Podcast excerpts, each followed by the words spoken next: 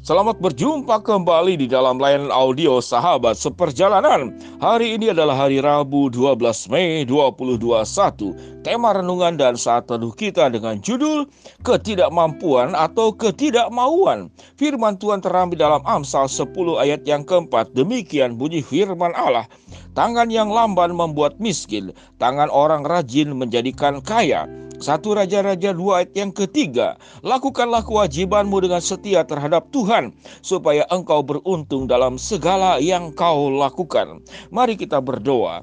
Bapa yang di dalam sorga, ajar kami para sahabat seperjalanan bisa membedakan apa bedanya antara ketidakmampuan dan ketidakmauan, agar kami bisa menjalani kehidupan dengan secara benar di dalam Tuhan. Dalam nama Tuhan Yesus kami berdoa. Amin. Shalom sahabat seperjalanan yang dikasih Tuhan. Apa bedanya ketidakmampuan dan ketidakmauan? Tulisannya itu mirip. Ketidakmampuan atau ketidakmauan. Ketidakmampuan adalah seakan-akan suatu keadaan yang di luar batas kemampuan kita. Artinya memang tidak mampu. Namun sebuah pertanyaan Apakah betul seseorang itu tidak mampu?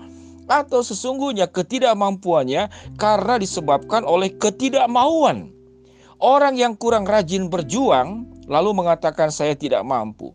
Orang yang belum berusaha lalu mengatakan saya tidak mampu. Orang yang belum mencari jalan berbagai macam cara baru satu kali jalan lalu berkata saya tidak mampu. Gambaran kalimat-kalimat yang saya sebutkan tadi sesungguhnya adalah bentuk daripada kemalasan. Bentuk daripada tangan yang lamban yang Alkitab mengatakan yang membuat miskin.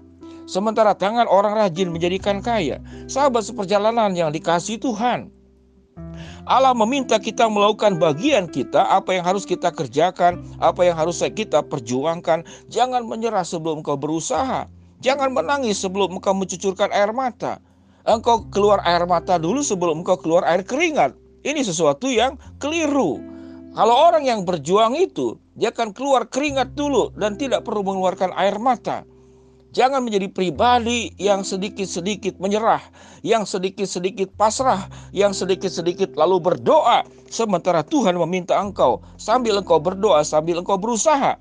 Engkau belum melakukan usaha, engkau sudah berdoa yang lebih banyak. Tidak demikian, Allah tidak menjadikan sebagai pribadi-pribadi yang kemudian lamban dan malas. Allah memberkati tangan yang rajin, Allah memberkati orang yang berusaha. Allah memang bersyukur dan senang kepada orang yang bersandar mengandalkan Tuhan. Namun Allah tidak menyukai karena engkau bersandar mengandalkan Tuhan lalu berdoa lalu engkau lepas tangan, engkau tidak mengerjakan bagiannya. Kalau kita meminta anak hanya bers kalau kita punya anak lalu hanya bersandar kepada orang tua, segala sesuatu biarlah orang tua yang menyelesaikan. Lalu anak diam-diam saja, tidak bekerja, tidak berusaha. Kita tidak akan menyukai anak-anak yang seperti demikian. Demikian juga hati Bapa yang di surga. Hati Bapa yang di surga menyukai anak-anak Allah yang rajin, yang berjuang, yang tidak menyalahkan keadaan, yang tidak menyalahkan keluarga, yang terus tidak terus meratapi nasib, lalu tidak bagaimana mengubah nasibmu sendiri. Nasib itu tidak sesuatu yang fatal, yang tidak bisa berubah. Nasibmu engkau bisa berubah, engkau ubah menjadi sesuatu yang indah. Kegelapan bisa diubah menjadi terang. Jalan buntu bisa diubah menjadi jalan yang lancar. Bagianmu engkau mengerjakan sesuatu sesanggupmu, semampumu. Jangan berkata engkau tidak mampu sebelum kau berjuang. Pada dasarnya orang-orang yang malas adalah orang-orang yang tidak mau, bukan tidak mampu. Jadi orang yang tidak mau pada akhirnya memang kemampuannya tidak pernah terlatih. Orang yang tidak mau, yang tidak berjuang, pada dasarnya dia akan berjalan di tempat. Bagaimana Allah memberkati orang-orang malas? Bagaimana orang Allah memberkati orang-orang yang belum berjuang kemudian mengeluh, berkeluh kesah, lalu lapor kepada Tuhan, lalu tidak mengerjakan bagiannya. Sahabat seperjalanan yang dikasihi Tuhan, saya bersyukur bahwa saya diizinkan untuk mengasuh anak-anak asuh saya. Ada dua anak asuh saya, dua-duanya laki-laki, yang dua-duanya punya bakat musik. Namun kedua-duanya ini tidak punya biaya untuk les musik karena musik itu les mahal. Apalagi dua-dua anak laki-laki ini ingin belajar saksofon. Saksofon itu buatan China saja itu 5 jutaan. Kalau Yamaha merek merek Jepang itu bisa belasan juta. Sehingga saya pinjamkan saksofon. Lalu anak ini belajar Saya mengajar saksofon kepada dua anak ini.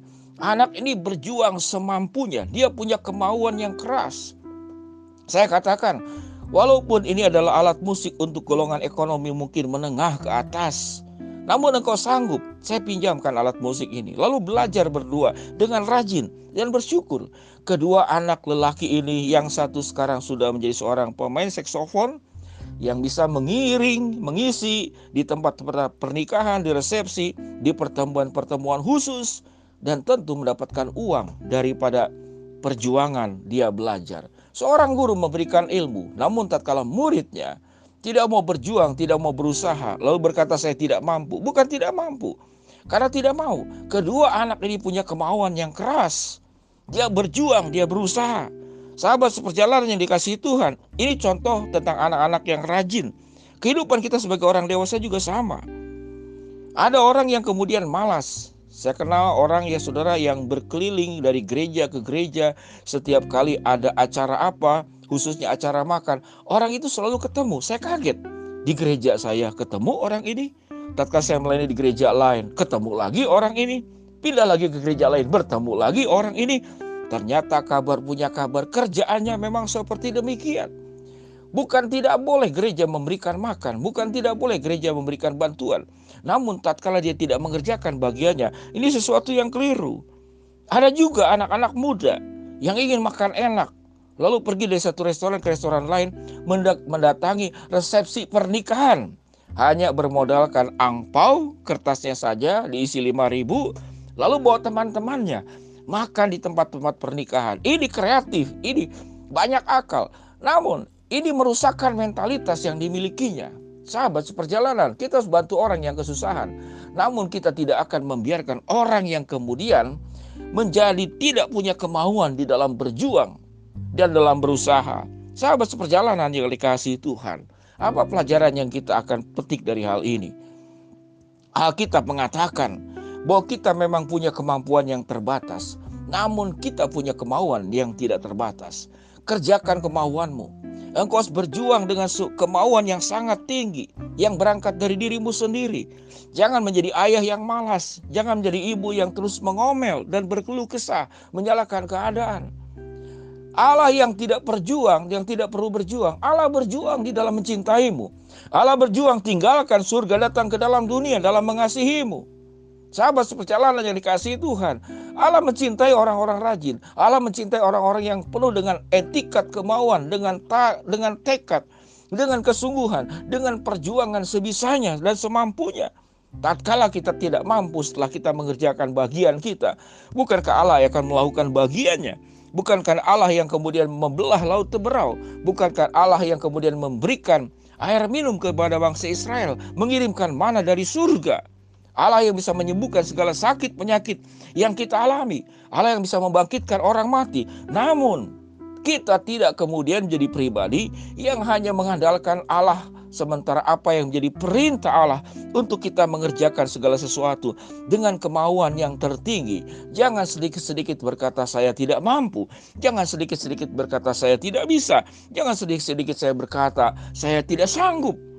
Karena itu adalah alasan untuk membenarkan diri sendiri untuk tidak melakukan tugas dan tanggung jawabmu.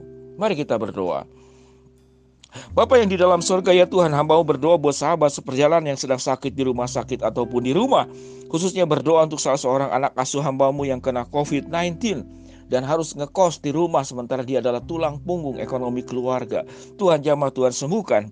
Kami berdoa juga ya Tuhan buat sahabat seperjalanan yang sedang menghadapi masalah rintangan persoalan dan kesulitan dalam hidup ini. Berdoa untuk salah seorang ibu yang single parent harus membesarkan empat anak lelakinya. Ya Tuhan, Engkau bukakan jalan, Engkau berkati, Engkau cukupkan segala kebutuhan, Engkau juga lindungi anak-anak dalam masa pertumbuhannya. Kamu berdoa buat sahabat seperjalanan sedang berharap dan memohon sesuatu. Berdoa untuk salah seorang sahabat seperjalanan yang kos rumahnya itu akan habis dan kalau tidak membayar tentu dia akan tinggalkan kos tersebut. Kami serahkan ya Tuhan seorang ibu dengan inisial H dengan kedua anaknya ya Tuhan yang laki-laki dan perempuan Engkau berkati, Engkau bukakan jalan Engkau juga akan tolong agar ada tangan-tangan yang bisa membantu untuk terus menjaga keluarga ini bisa punya tempat tinggal sekalipun ngekos. Terima kasih Bapak, di dalam nama Tuhan Yesus kami berdoa. Amin. Shalom sahabat seperjalanan yang dikasih Tuhan, ketidakmampuan atau ketidakmauan. Jangan kita berkata tidak mampu sebelum engkau menunjukkan kemauanmu yang sungguh untuk bekerja, untuk melakukan tugasmu dengan sebaiknya. Shalom Tuhan memberkati kita semua. Amin.